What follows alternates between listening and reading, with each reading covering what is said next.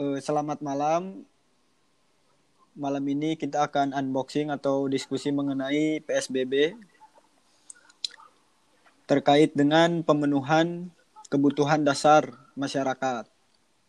Nah, saat ini saya berbincang atau berdiskusi dengan Darmatias Utomo eh, terkait dengan PSBB ini.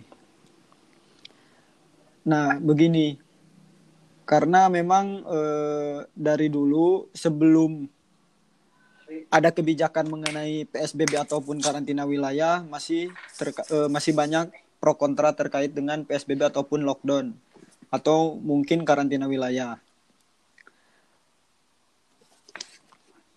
Nah, PSBB ketika pemerintah mengambil kebijakan PSBB ada pro kontra di kalangan akademis ataupun masyarakat terkait dengan PSBB ini tersebut. Mungkin uh, bisa dijelasin terkait dengan PSBB dalam uh, eh, PSBB di Indonesia ini. Begitu.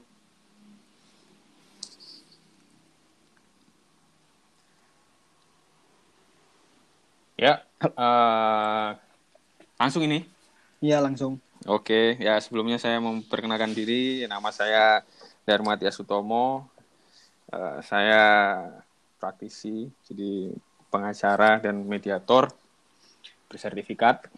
Jadi menarik sih untuk dibahas uh, terkait masalah uh, penerapan PSBB atau pembatasan sosial berskala besar di Indonesia karena uh, hari ini apa namanya kita sebagai masyarakat termasuk sebagai praktisi hukum melihat uh, penerapan dari PSBB sendiri itu uh, masih banyak ada ego sektoral di mana ini ada apa namanya uh, kebijakan sini apa menteri ini mengeluarkan kebijakan apa menteri yang lain mengeluarkan kebijakan apa yang itu ibaratnya apa namanya uh, tidak saling mendukung satu sama lain jadi ego sektor atau e-, ego sektoralnya itu masih uh, cukup kelihatan nah uh, sebelum kita jauh membahas terkait masalah PSBB sebenarnya kan kita uh, melihat sih apa namanya latar belakang kenapa kok sekarang diterapkan PSBB itu sendiri. Nah, jadi ini uh, kita lihat ada dua keputusan apa namanya keputusan presiden yang melatar belakangi uh, PSBB itu di apa namanya dikeluarkan gitu kan. Nah, sebenarnya uh, dua uh, kepres itu itu yaitu yang pertama itu ke Kepres uh, nomor 11 uh, keputusan presiden nomor 11 tahun 2020 uh, tentang penetapan kedaruratan uh, kedaruratan kesehatan masyarakat uh, coronavirus disease 2019 COVID-19 uh, di mana uh, Kepres itu dikeluarkan tanggal 31 Maret 2020. Nah, kalau misalnya kita mau apa namanya uh, melihat dari Kepres itu, nah kita uh, memandang bahwasanya uh, adanya considerance atau uh, apa namanya yang di di mana di situ uh, cantolan payung hukum dari kepres itu dikeluarkan. Nah, ketika kita melihat uh, di per kepres nomor 11 tahun 2020 ini, ini kita melihat ada konsiderasinya itu mencantol pada uh, penggunaan Undang-Undang Nomor 6 Tahun 2018, yaitu undang-undang yang mengatur tentang kekarantinaan kesehatan. Nah, yaitu pertama itu, itu adanya kepres itu. Lalu selang kurang lebih dua mingguan, nah itu disusul dengan kepres nomor 12 tahun 2020 tentang penetapan bencana non alam penyebaran coronavirus disease 2019 COVID, atau COVID 19 sebagai bencana nasional yang dikeluarkan oleh presiden juga. Nah, itu pada tanggal 13 April. Nah, di sana ketika kita melihat bahasanya apa namanya uh, dalam lingkup kepres itu yang menjadi considerance-nya itu terkait uh, kepres uh, nomor 12 itu adalah merujuk pada Undang-Undang Nomor 4 tahun 1984 itu terkait tentang wabah penyakit menular. Lalu ada Undang-Undang Nomor 24 Tahun 2007 tentang penanggulangan bencana. Dan Keputusan Presiden Nomor 7 Tahun 2020 tentang gugus tugas percepatan penanganan coronavirus DISUS 2019 bagaimana telah diubah dengan Keputusan Presiden Nomor 9 Tahun 2020 tentang perubahan atas uh, Keputusan Presiden uh, Nomor 7 Tahun 2020 tentang gugus tugas percepatan penanganan coronavirus. Nah, jadi uh, gini, Bung Herdis, ketika kita melihat bahwasanya di sini ada dua kepres nih yang apa namanya uh, dikeluarkan untuk menangani ini penyebaran virus uh, corona di Indonesia ini. Nah, jadi kepres yang satu itu uh, yang menetapkan adanya apa namanya uh, kedaruratan kesehatan, terus yang satunya lagi itu adalah menetapkan bahwasanya uh, bencana non alam. Nah, jadi men, men, menetapkan bencana non alam. Nah, jadi ada dua nih dan memiliki payung apa namanya korelasi un cantolan undang-undang yang berbeda. Nah, ketika kita mau uh, kita akan membuka apa namanya uh, konsekuensi logis dari apa namanya uh, kedua keputusan presiden ini. Karena berbeda cantolan hukumnya, payung hukumnya lah di situ. Nah, lalu uh, mungkin langsung terkait uh, membedah ya dua kepres ini, yaitu ketika kita mau melihat yang pertama terkait masalah uh, apa namanya kepres nomor 11 ini. Nah, ini kan merujuk pada Undang-Undang Nomor 6 Tahun 2018 tentang kekarantinaan kesehatan. Nah, dalam pasal 1 undang-undang tersebut yang dimaksud dengan apa namanya karantina kesehatan adalah upaya mencegah dan menangkal keluar atau masuknya penyakit dan atau faktor risiko kesehatan masyarakat yang berpotensi menimbulkan kedaruratan kesehatan masyarakat. Nah, lalu apa sih ke, apa karantina itu sendiri? Nah, dalam definisi di dalam ketentuan umum pasal 1 undang-undang tersebut tadi itu sudah menyebutkan. Nah, itu ada e, karantina adalah pembatasan kegiatan dan atau pemisahan seseorang yang terpapar penyakit menular sebagaimana ditetapkan dalam peraturan perundang-undangan meskipun belum menunjukkan gejala ataupun sedang berada dalam masa inkubasi dan atau e, pemisahan peti kemas, alat angkut atau barang apa pun yang diduga terkontaminasi dari orang atau barang yang mengandung penyebab penyakit atau sumber bahan kontaminasi lain untuk mencegah kemungkinan penyebaran ke orang atau barang di sekitarnya. Lalu di dalam uh, konteks undang-undang kekarantinaan kesehatan itu, uh, kekarantinaan kesehatan itu kita meng apa ya ibaratnya ada beberapa definisi yang menjelaskan terkait masalah karantina wilayah terus isolasi, karantina rumah sakit, lalu uh, apa namanya eh, PSBB atau pembatasan sosial berskala besar. Nah, kita langsung mengkerucutkan ke topik kita pada malam hari ini ya.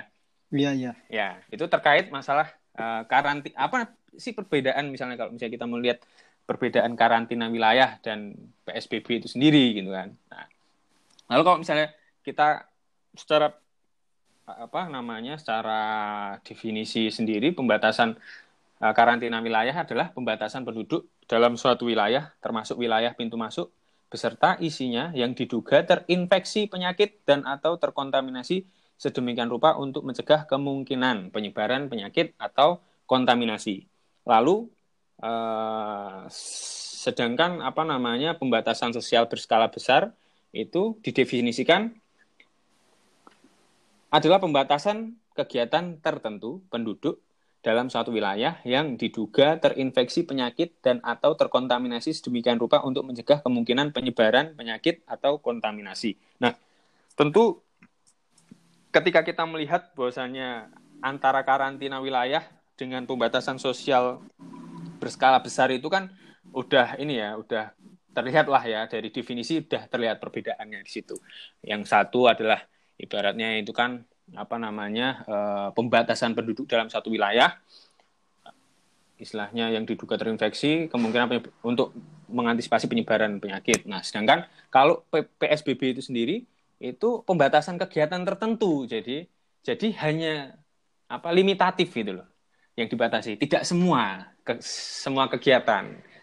Sedangkan karantina wilayah itu semua kegiatan. Kalau dari definisi kita lihat. Nah, lalu uh, tujuannya apa sih? Nah, tujuan penyelenggaraan kekarantinaan kesehatan itu tentu kita melihat bahwasannya untuk melindungi masyarakat dari penyakit atau uh, faktor resiko kesehatan masyarakat yang berpotensi menimbulkan kedaruratan gitu kan.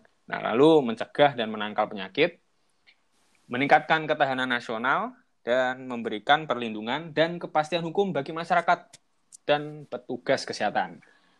Oke, lalu oke, ketika kita konteksnya adalah uh, apa namanya karantina wilayah, ini ada tanggung jawab pemerintah pusat dan pemerintah daerah di sini, di mana pemerintah pusat dan pemerintah daerah bertanggung jawab untuk melindungi kesehatan masyarakat dari penyakit atau faktor risiko kesehatan masyarakat yang berpotensi menimbulkan kedaruratan kesehatan masyarakat melalui penyelenggaraan karantina kesehatan.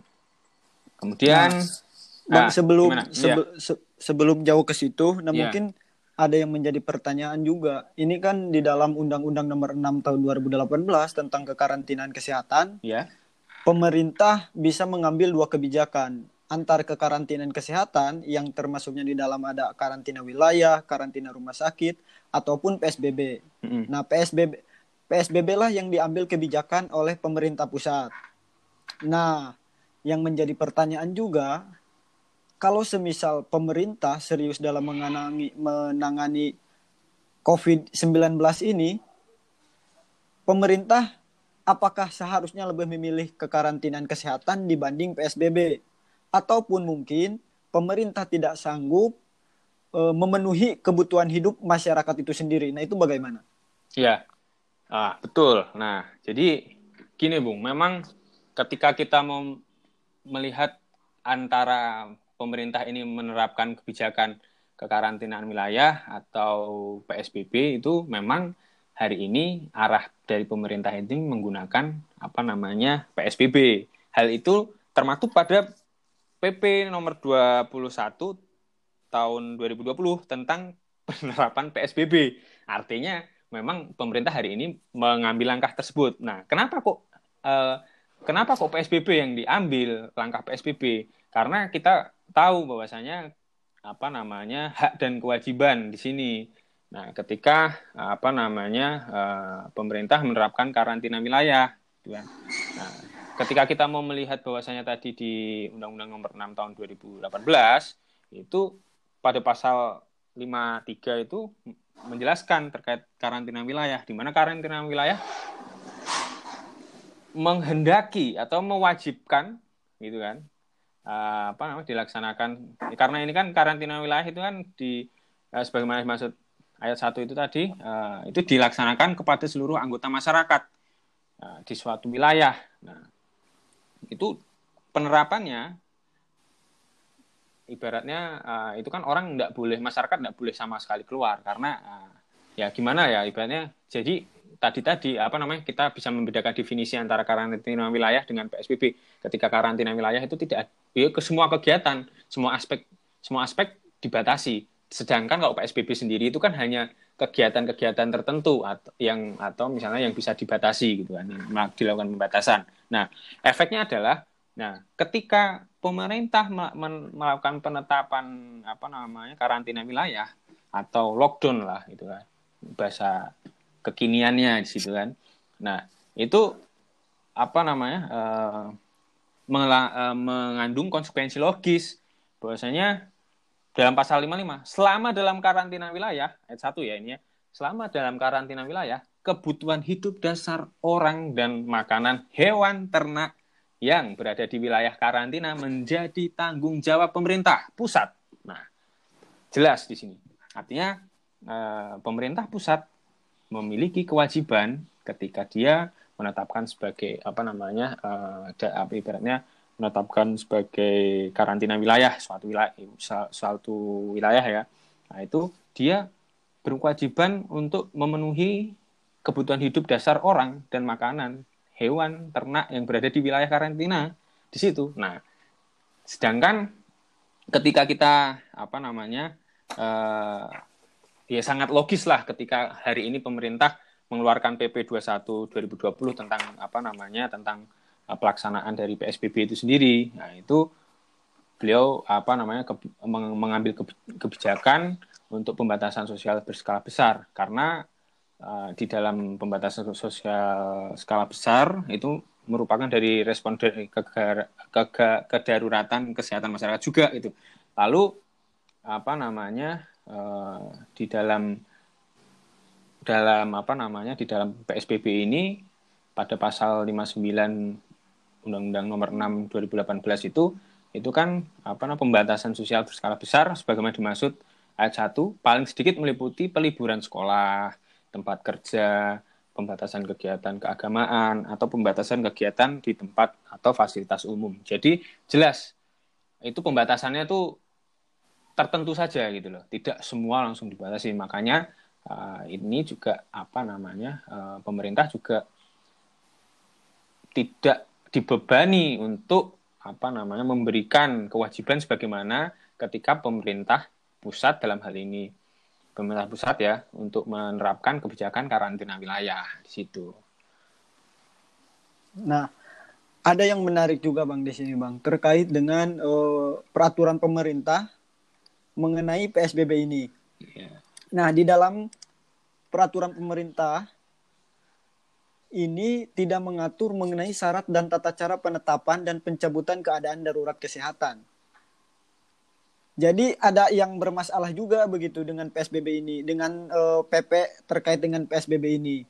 Ma uh, pemerintah tidak mengatur syarat dan tata cara penetapan dan pencabutannya. Padahal itu harus termaktub atau termasuk di dalam PP tersebut. Nah, ini menjadi uh, keresahan juga sebetulnya. Nah, mungkin yang selanjutnya terkait dengan uh, dampak penerapan SPSBB ini. Ada dampak ketika memang pemerintah uh, tidak melakukan kebijakan karantina wilayah.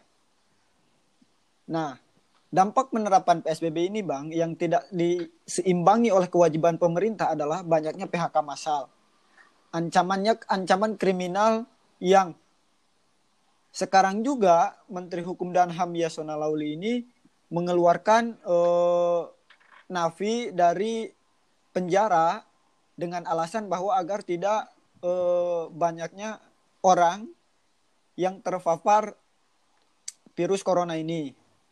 Nah, banyak juga orang yang memang eh, tidak bisa bayar uang sewa, kredit dan ini sebagainya. Nah ini bagaimana? Ya, uh, itu menarik sih pembahasannya karena memang kita apa namanya uh, uh, menghadapi suatu keadaan di mana ya pemerintah sendiri kan menetapkan status apa namanya uh, kegawat darurat kegawat daruratan juga gitu loh. Nah artinya memang uh, uh, banyak kebijakan-kebijakan itu tadi yang memang uh, contoh misalnya nih ketika kita memang di dalam PP 21 itu tidak menetap apa tidak ada syarat-syarat atau ketentuan yang berlanjut karena memang didelegasikan dalam uh, apa namanya kepada Menteri Kesehatan gitu. Uh, jadi peraturan tentang pembatasan sosial berskala besar dalam rangka percepatan penanganan coronavirus ini Nah, ini didelegasikan pada uh, Menteri Kesehatan, nah, di mana kita kan melihat bahwasanya uh, ini kan tadi kan ada kepres juga ya terkait masalah apa namanya yang yang kepres nomor 12 itu, ya, di, di mana itu ada gugus tugas dalam apa penanganan percepatan uh, penanganan coronavirus ini, gitu loh penyebaran coronavirus ini. Nah, di mana uh, pada gugus tugasnya itu ada siapa sebagai ketuanya ada sebagai sekretaris ada sebagai bendara terus ada yang banyak anggota-anggota di situ menteri-menterinya nah jadi uh, mungkin kita akan membahas ini dulu apa namanya terkait masalah yang peraturan Menteri Kesehatan nomor 9 di sini ada sih sebenarnya penetapan apa uh, prosedur prosedur ini jadi peraturan Menteri Kesehatan Republik Indonesia nomor 9 tahun 2020 tentang pedoman pembatasan sosial berskala besar dalam rangka percepatan penanganan coronavirus COVID-19. Nah, di sini mengatur sih apa namanya uh, suatu daerah teknisnya seperti apa gubernur uh, atau bupati wali kota dia uh, meminta persetujuan dari menteri kesehatan di situ untuk menetapkan suatu apa namanya daerahnya untuk menerapkan pembatasan sosial berskala besar di situ. Sebenarnya ada ada bung untuk apa namanya eh, syarat-syarat di situ. Nah, contoh di sini, di sini di dalam pasal 2 untuk dapat ditetapkan pembatasan sosial berskala besar suatu wilayah provinsi atau kabupaten kota harus memenuhi kriteria di antaranya jumlah kasus dan atau jumlah kematian penyebab akibat penyakit meningkat dan menular secara signifikan dan cepat ke beberapa wilayah terdapat kaitan epidemo, epidemiologis dengan kejadian serupa di wilayah negara lain. Nah, jadi ada permohonan penetapannya seperti apa di situ diatur sih secara apa lengkap dengan tata cara uh, penetapan di situ. Nah, lalu ya, jadi kita membahas terkait yang apa namanya uh, di karantina wilayah sama PSBB ini. Uh, jadi memang permasalahannya ini sangat complicated aturannya aturannya sangat banyak gitu loh menjadi cantolan. Nah, lalu gini. Oh, jadi yang kemudian dengan Kepres 2 ini tahun 2020 itu kan tentang apa namanya uh, yang dikeluarkan oleh Presiden Jokowi pada tanggal 13 April 2020 itu mengenai bencana non alam ya, Bung ya. Penyebaran coronavirus disease 2019. Nah, sehingga ada no, bencana non alam. Nah, di sini uh, pada keputusan Presiden nomor 7 tahun 2020 yang sudah diperbarui dengan Kepres nomor 9 tahun 2020. Nah, di situ apa namanya? Ada tuh apa uh, susunan gugus tugasnya. Jadi nah, jadi di sini ini ya saya bacakan ya untuk gugus tugasnya ya dalam iya, iya. Uh, dalam uh, susunan keanggotaan tugas percepatan penanganan COVID-19 terdiri pengarah ketua ketuanya Menteri Koordinator Bidang Pembangunan Manusia dan Kebudayaan. Lalu wakil ketuanya Menteri Koordinator Bidang Politik, Hukum, dan Keamanan. Wakil ketua duanya Menteri Kesehatan. Lalu sekretarisnya Menteri Keuangan, anggota menteri-menteri yang lain lah ya di situ. Kemudian uh, pelaksana, nah, sebagai pelaksana ketuanya ini adalah badan eh, kepala Badan Nasional Penanggulangan Bencana. Nah, jadi uh, kita lihat nih, jadi sebenarnya kan yang jadi ujung tombak ketika seperti ini nih, nah, sudah ada disusun seperti ini kan uh, harusnya semua semua apa yang ada di dalam gugus tugas ini ya berkoordinasi secara intens lah ya. Jangan sampai ibaratnya ada saling tumpang tindih. Nah, ketika apa namanya e, ketika kita hari ini pembahasan terkait masalah penerapan PSBB ini mungkin biar tidak lari ke dalam uh, terlalu melebar ke dalam apa namanya ya kebijakan pemerintah terkait masalah apa relaksasi kredit lah terus apa namanya ada Menteri Yasona yang istilahnya di sini uh, memberi membuat suatu kebijakan yaitu asimilasi uh, tahanan gitu kan. Yang ibaratnya yang sudah menjalani dua per tiga ta uh, masa tahanan masa hukuman nah dia bisa di apa memperoleh asimilasi gitu kan. Pembebasan bersalat lah di situ. Nah ini kan juga apa namanya mereka ini sebenarnya kan sudah terisolasi juga gitu loh di dalam berjara gitu. Daripada keluar dikeluarkan maraknya apa namanya kejahatan juga gitu kan ini kan ibaratnya saling inilah apa namanya uh, kebijakan-kebijakan dari pem dalam hal ini kementerian ya yang terkait ini nih nggak sinkron gitu loh. Termasuk apa namanya menarik untuk dibahas ketika uh, statement dari Menteri Perhubungan Bapak Budi Karya bahwasanya uh, beliau akan mencabut ini apa peraturan uh, Kementerian Perhubungan uh, peraturan Menteri Perhubungan nomor 25 tahun 2020 yaitu tentang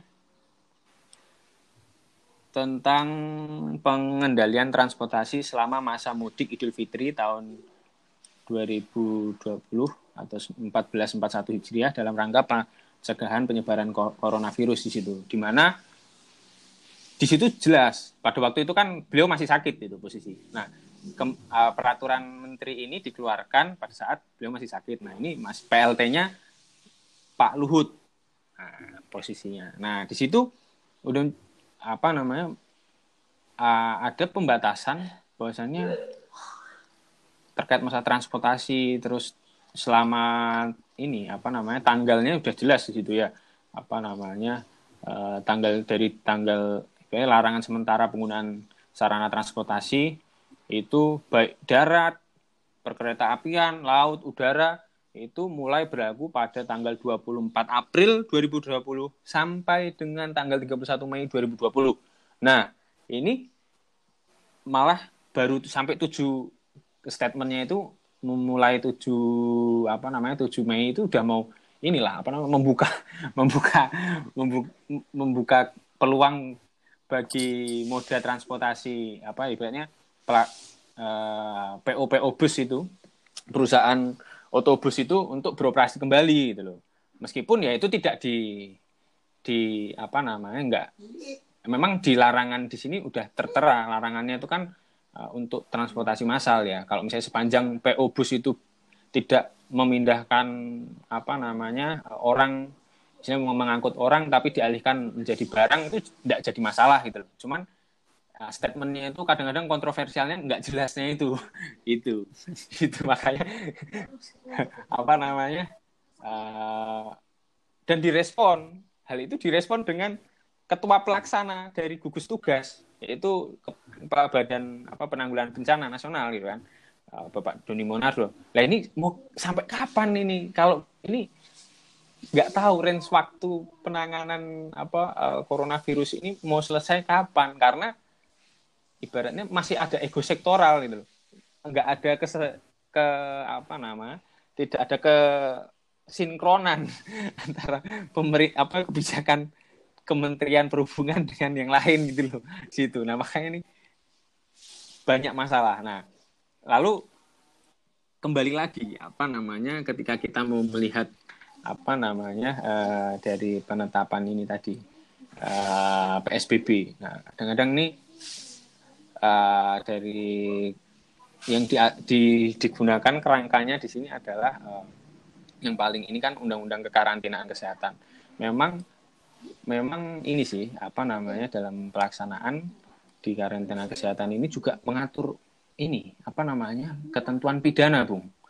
Nah jadi memang apa namanya terkait masalah eh, kekarantinaan kesehatan ini ada konsekuensi pidana ketika masyarakat tidak patuh di situ. Jadi pada pasal 93 sendiri itu setiap orang tidak mematuhi penyelenggaraan kekarantinaan kesehatan sebagaimana dimaksud pasal 9 ayat 1 dan atau menghalang-halangi penyelenggaraan kekarantinaan kesehatan sehingga menyebabkan kedaruratan kesehatan masyarakat dipidana dengan pidana penjara paling lama satu tahun dan atau pidana denda paling banyak 100 juta rupiah. Nah, jadi ketika kita mau melihat bahwasannya entah itu PSBB atau misalnya karantina wilayah Nah, di dalam kerangka undang-undang apa namanya di dalam kerangka undang-undang uh, apa namanya uh, kesehatan itu karantina kesehatan itu mengatur terkait adanya ketentuan pidana. Nah, ini yang memang uh, harus masyarakat juga harus inilah apa namanya harus melihat bahwasanya hari ini juga kita ini dalam situasi kondisi yang apa namanya darurat untuk menangani penyebaran virus COVID. Nah, kita melihat bahwasanya uh, dari PSBB ini kan kalau dari data Kompas itu paling tidak udah ada 18 uh, eh, wilayah di Indonesia baik itu provinsi maupun uh, kabupaten kota yang menerapkan PSBB. Nah, ketika kita melihat dalam pelaksanaannya masih banyak masyarakat itu yang tidak nurut itu loh. Uh, tidak nurut. Tapi satu sisi ketika apa namanya penegak hukum di sini juga melakukan terlalu strict juga melihat bahwasanya ya ini ya masa dalam kondisi seperti ini orang dipenjara padahal satu sisi di penjara yang orang yang di penjara juga dikeluarin gitu kan. Ini ada korelasinya. Itu nah. itu itu kan kadang-kadang wah ini kebijakan yang diambil itu seperti apa gitu kamu nah, nah ini hmm. ini begini bang. Jadi kadang-kadang kebijakan yang diambil pemerintah itu kadang menyulitkan juga untuk masyarakat gitu. Nah di satu sisi ketika memang uh, masyarakat yang yang sudah di PHK massal ataupun kehilangan uh, mata pencarian gara-gara virus corona ini dan tidak ada kebijakan pemerintah untuk membantu masyarakat karena memang pekerja informal di Indonesia ini memang uh, lebih tinggi daripada pekerja formal begitu. Nah menurut data BPS itu 55,72 persen pekerja di Indonesia itu informal yang kebanyakan itu di luar, hmm. bukan di dalam rumah kantoran seperti itu. Nah ini yang menyulitkan juga buat masyarakat gitu. Di satu sisi ketika masyarakat tidak bekerja keluar rumah dan tidak mempunyai tabungan, ini akan uh, mati kelaparan gitu. Tapi di satu sisi ketika mereka tidak uh, apa namanya ketika mereka diam di rumah, eh ya mereka keluar rumah, nah di satu sisi mereka akan meninggal gara-gara virus corona. Jadi serba salah gitu masyarakat sekarang. Nah, yang menjadi yang menjadi pertanyaan juga sebenarnya di sini kan ada uh, keputusan men eh, peraturan Menteri Kesehatan yang mengharuskan setiap wilayah atau provinsi kota yang akan melakukan PSBB ini harus meminta persetujuan dulu atau keputusan dari Menteri iya, Kesehatan. Ya, nah, tapi ini tapi kan uh, ini da, uh, dalam keadaan darurat gitu, Bang. Dalam keadaan darurat seharusnya birokrasi itu dipermudah, bukan dipersusah harus ada misal di pasal 6 itu harus ada keputusan dari Menteri Kesehatan. Pasal 7-nya menyatakan harus dikaji terlebih dahulu.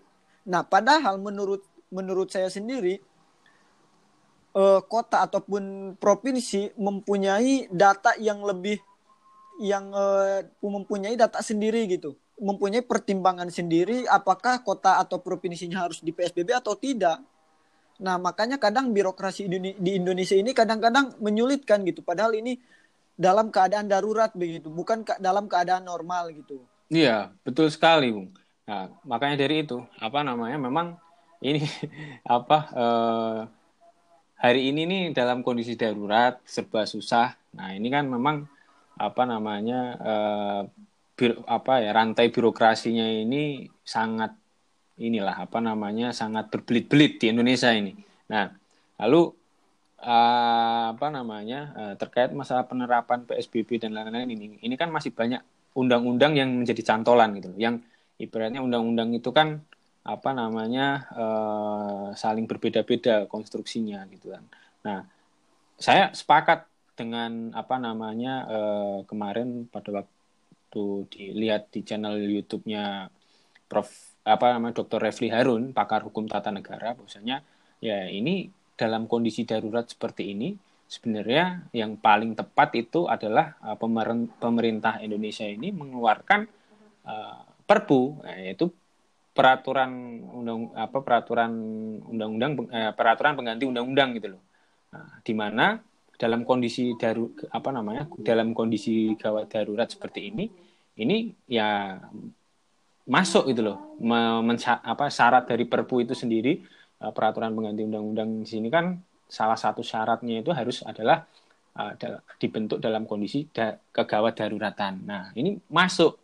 Nah, jadi ketika mungkin menerapkan PSBB di mana kalau di dalam aturan undang-undang apa namanya karantina kesehatan itu di Undang-Undang Nomor 6 tahun 2018 itu sendiri tidak mengatur mengenai kebijakan apa namanya uh, tanggung jawab pemerintah itu kan. Uh, hanya pemerintah itu patut memperhatikan ekonomi terus sosial budaya politik terus apa namanya keagamaan. Nah di situ sih sebenarnya ya memperhatikan. Apakah cukup memperhatikan gitu kan? Kan tidak cukup untuk memperhatikan. Ibaratnya apa kalau misalnya ada orang orang kelaparan apa cukup diperhatikan terus dia langsung kenyang kan enggak enggak seperti itu gitu loh. Nah artinya memang harus uh, menurut hemat saran saya sih sebenarnya uh, pemerintah hari ini harus mengeluarkan perpu gitu kan. Untuk apa namanya untuk menanggulangi uh, apa menanggulangi penyebaran virus corona ini gitu kan. Biar semua itu uh, dalam satu gitu loh satu lingkup apa namanya uh, penanganannya dan lain-lainnya itu secara mekanisme secara sistem itu terpadu. Enggak enggak dari kepres kepres kepres ada tiga kepres ini.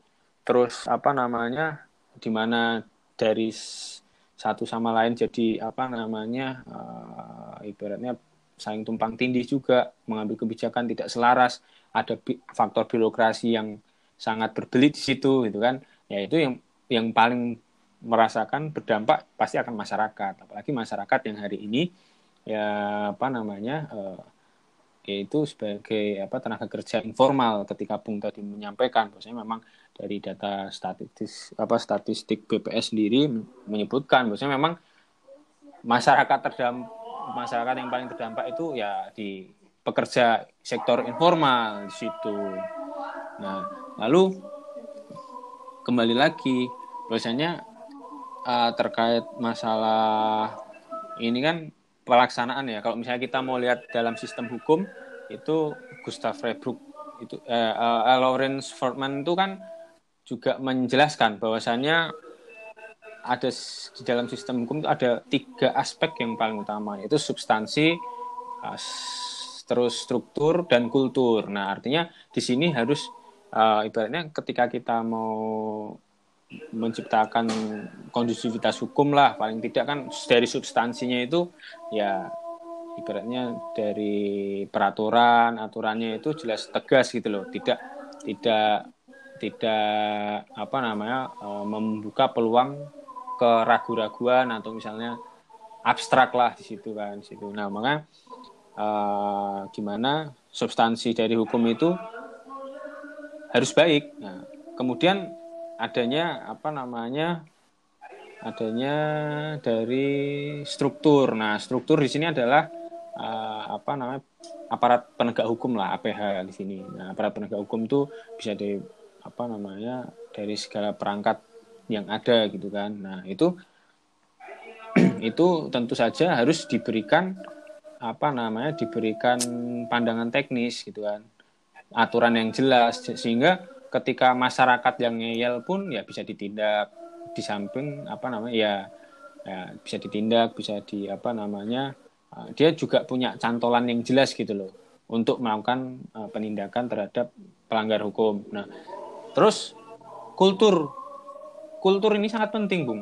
Nah, di mana ya kultur masyarakat. Nah, ketika ya masyarakat secara budaya ini kita ini baik yang ngeyel-ngeyel gitu loh dan uh, merupakan kewajiban dari penegak hukum juga sih untuk melakukan sosialisasi yang mendalam terkait masalah suatu peraturan ini. Nah, nah ketika kulturnya ini masyarakat, kita lihat saya beberapa apa namanya beberapa minggu ini memantau penerapan PSBB di beberapa wilayah itu banyak sekali apalagi kalau misalnya di sosial media itu itu kan ibaratnya di sampai baku hantam ketika diingatin harus pakai apa namanya protokol kesehatan ibaratnya pakai masker lah ini suruh pakai masker aja nggak mau.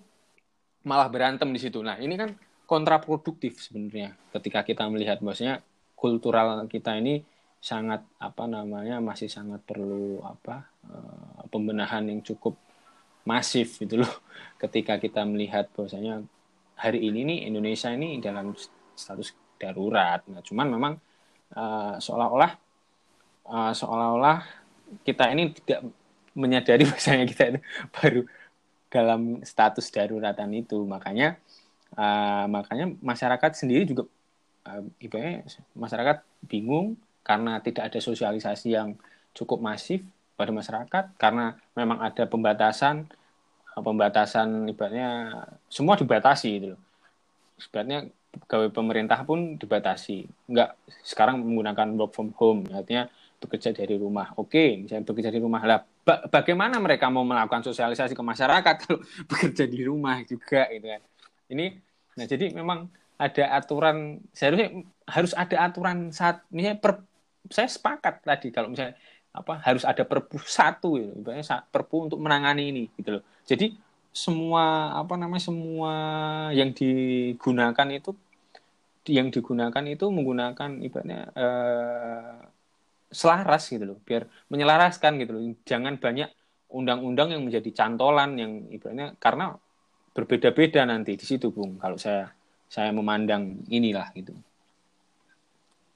Nah mungkin uh, yang terakhir bang terkait dengan tadi memang kan uh, disebutkan uh, terkait dengan penerapannya substansi hukumnya gitu kan.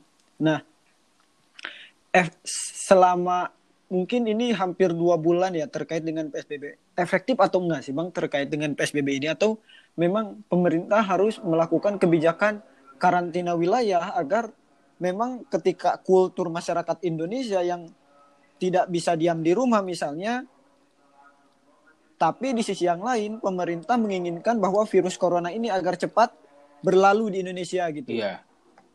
Nah, yang ya yang menjadi persoalan efektif atau tidak sih selama beberapa bulan PSBB ini berjalan di Indonesia. Nah, yang terakhir, apakah kebijakan membatasi mobilitas dan transportasi warga bahkan hingga persoalan mudik adalah langkah yang tepat?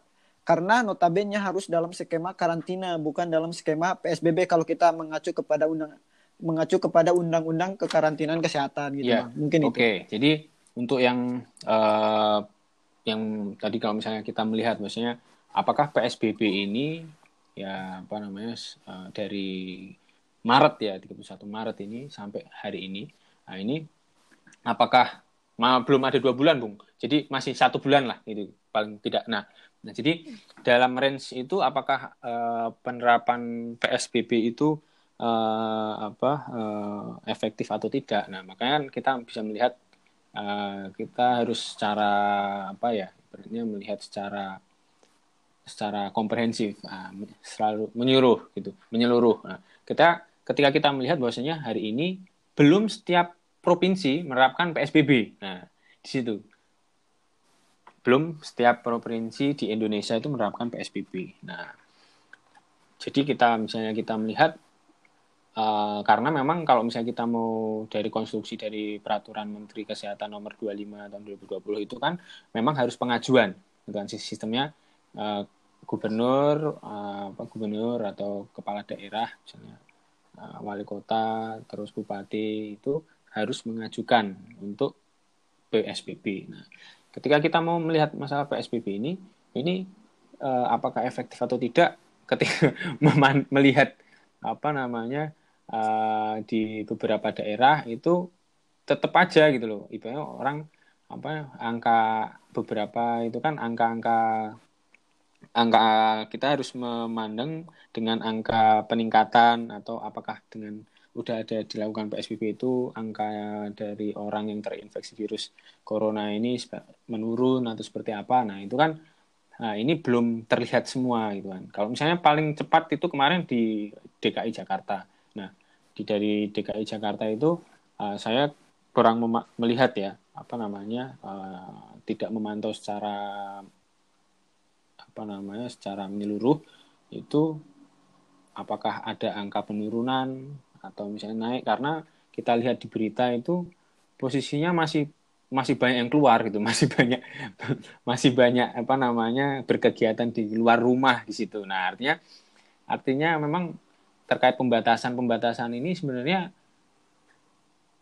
juga karena pembatasan tertentu tidak tidak seperti karantina wilayah yang memang masyarakat itu harus di rumah, harus gimana di rumah. Itu sikap sifatnya itu adalah kewajiban untuk di rumah. Nah, itu kalau misalnya kita mau lihat secara efektif, tentu efektif karantina wilayah gitu loh. Karena masyarakat tidak boleh keluar gitu loh. Misalnya keluar bisa ada ketentuan pidananya di situ gitu kan. Nah, tapi kalau PSBB ini kan hanya tertentu gitu loh, tertentu. Ya, jadi masih masih banyak membuka peluang orang-orang ini ketika keluar terjangkit virus juga gitu loh. Nah, artinya yang paling lucu kemarin juga ada di wilayah Bogor itu kan kemarin sempat viral ya apa namanya uh, apa namanya suami sedalam satu apa kendaraan pen, uh, kendaraan uh, motor itu mobil ya kendaraan mobil itu itu suruh jaga jarak antara suami sama istri. Itu istrinya duduk di samping gitu kan suruh dipindahin ke belakang. Nah ini kan secara konstruksi kan tidak pas gitu. Karena apa? Lah kalau misalnya memang untuk membatasi apa namanya untuk membatasi membatasi kontak fisik gitu lah kan kalau di rumah kan satu kamar itu ya kontak lagi gitu loh terus kenapa di mobil dibatasin nah itu kan dari situ malah jadi kontraproduktif juga apa namanya peraturannya itu malah jadi menimbulkan perdebatan-perdebatan yang tidak substansial gitu loh. Enggak substantif lagi gitu loh. Makanya kalau saya melihat tuh ya mungkin karantina wilayah itu lebih efektif. Cuman kewajiban yang menjadi apa ya menjadi menjadi beban dari pemerintah itu adalah yaitu tadi kewajibannya itu untuk memenuhi apa kebutuhan pokok masyarakat yang dikarantina gitu loh, termasuk hewan peliharaannya.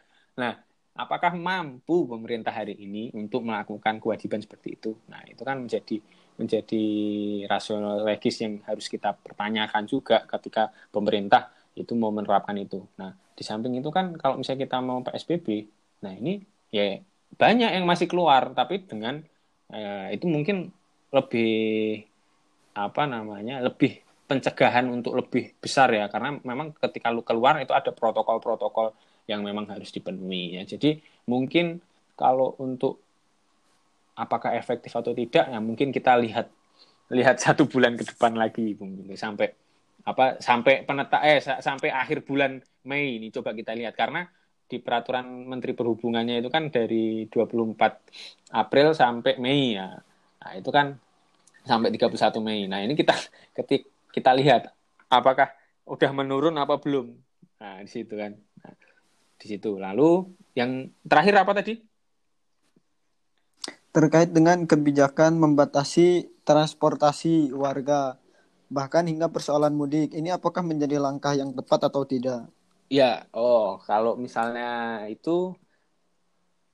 kalau menurut saya itu tepat gitu kan. Apa namanya untuk melakukan pembatasan dalam uh, hal untuk tidak mudik terlebih dahulu karena uh, efeknya yang saya rasakan saya ini ini kemarin jadi di Jakarta itu kemarin sebagai wilayah yang ibaratnya uh, apa namanya transmisi sudah sebagai transmisi lokal lah situ karena banyak orang yang terjangkit virus di situ. Nah kemarin sempat apa namanya penetapan PSBB.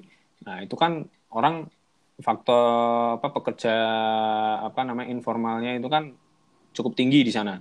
Yang ibaratnya kerja harian. Nah jadi nggak bisa ada kerjaan di sana. Nah, mudik. Nah mudiknya itu salah satu apa namanya salah satu tujuan mudik mereka itu adalah ke DIY ke daerah istimewa Yogyakarta. Makanya sempat sempat sempat inilah kemarin itu sempat ini lagi.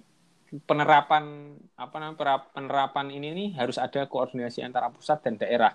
Nah ini miskoordinasi juga dulu. Itu di DIY di mana ada apa namanya ada peraturan menteri ini yang tidak apa ibarat larangan mudik kan karena ada pembatasan itu kan pembatasan untuk transportasi darat, udara, laut, nah, kereta api. Nah ini kan udah dilarang untuk kecuali untuk barang ya. Ini orang. Nah ini sejak tanggal 24. Nah, sedangkan di DI eh, kepala daerah pada eh, kepala daerahnya ya, gubernurnya itu mengeluarkan statement lah orang mau pulang orang mau pulang ke rumahnya pulang kampung masa dilarang nggak boleh nah wah itu pada mudik semua itu itu lebih dari berapa ribu orang itu masuk ke DIY itu. Kebetulan masuknya ke Gunung Kidul juga. Jadi jadi angka apa namanya angka orang ibaratnya eh, angka yang terinfeksi virus corona di sini juga jadi meningkat. Sempat malah di daerah saya ini jadi apa namanya jadi transmisi lokal karena penyebaran ibarat penyebaran virus apa eh, secara lokal gitu loh. Karena memang banyak pemudik-pemudik itu. Nah padahal di sini enggak belum ada protokol-protokol yang Uh, mengatur secara jelas terus adanya ibaratnya disinfektan lah atau harus mengisolasi diri ini. Itu pada ngeyel nggak ada yang mengisolasi diri selama 14 hari itu. Udah langsung ke mana-kemana. Nah itu kultural. Secara kultural nih susah ketika kita nih kalau orang mau udah datang dari perantauan datang ke sini itu mesti pengen ketemu A, B, C dan lain-lain. Nah, kesadaran dari masyarakat ini juga apa namanya butuh butuh disadarkan lah itu di situ. Nah, itu melihat dari sana kan ada tumpang tindih gitu loh. Nah, sa menurut saya memang menurut saya secara hemat saya lah ibaratnya itu efektif untuk uh, apa mencegah penyebaran virus ke daerah lain gitu yang memang daerah tersebut misalnya belum belum terindik apa belum jadi apa ya belum zona merah lah atau red zone gitu. Nah ketika dari Jakarta yang misalnya udah red zone sebagai apa transmisi lokal seperti apa itu yang penyebaran udah masif, nah, ketika dia berpindah otomatis kan membawa ya kita nggak tahu kan orang itu kan membawa virus apa tidak di situ. Nah makanya sebenarnya saya sepakat ketika apa namanya hari ini pemerintah um, apa namanya mengeluarkan dalam hari ini Kementerian Perhubungan ya dengan peraturan itu udah apa namanya peraturan Menteri Perhubungan itu nomor berapa tadi? Nomor 25 itu kan. 2020 itu tentang pembatasan itu udah bagus. Cuman menjadi kurang bagus menjadi agak gaduh itu tadi statement Pak Budi Karya ini gitu kan yang memperbolehkan lagi. Jadi bingung ini mau selesai kapan gitu kan sih itu sih.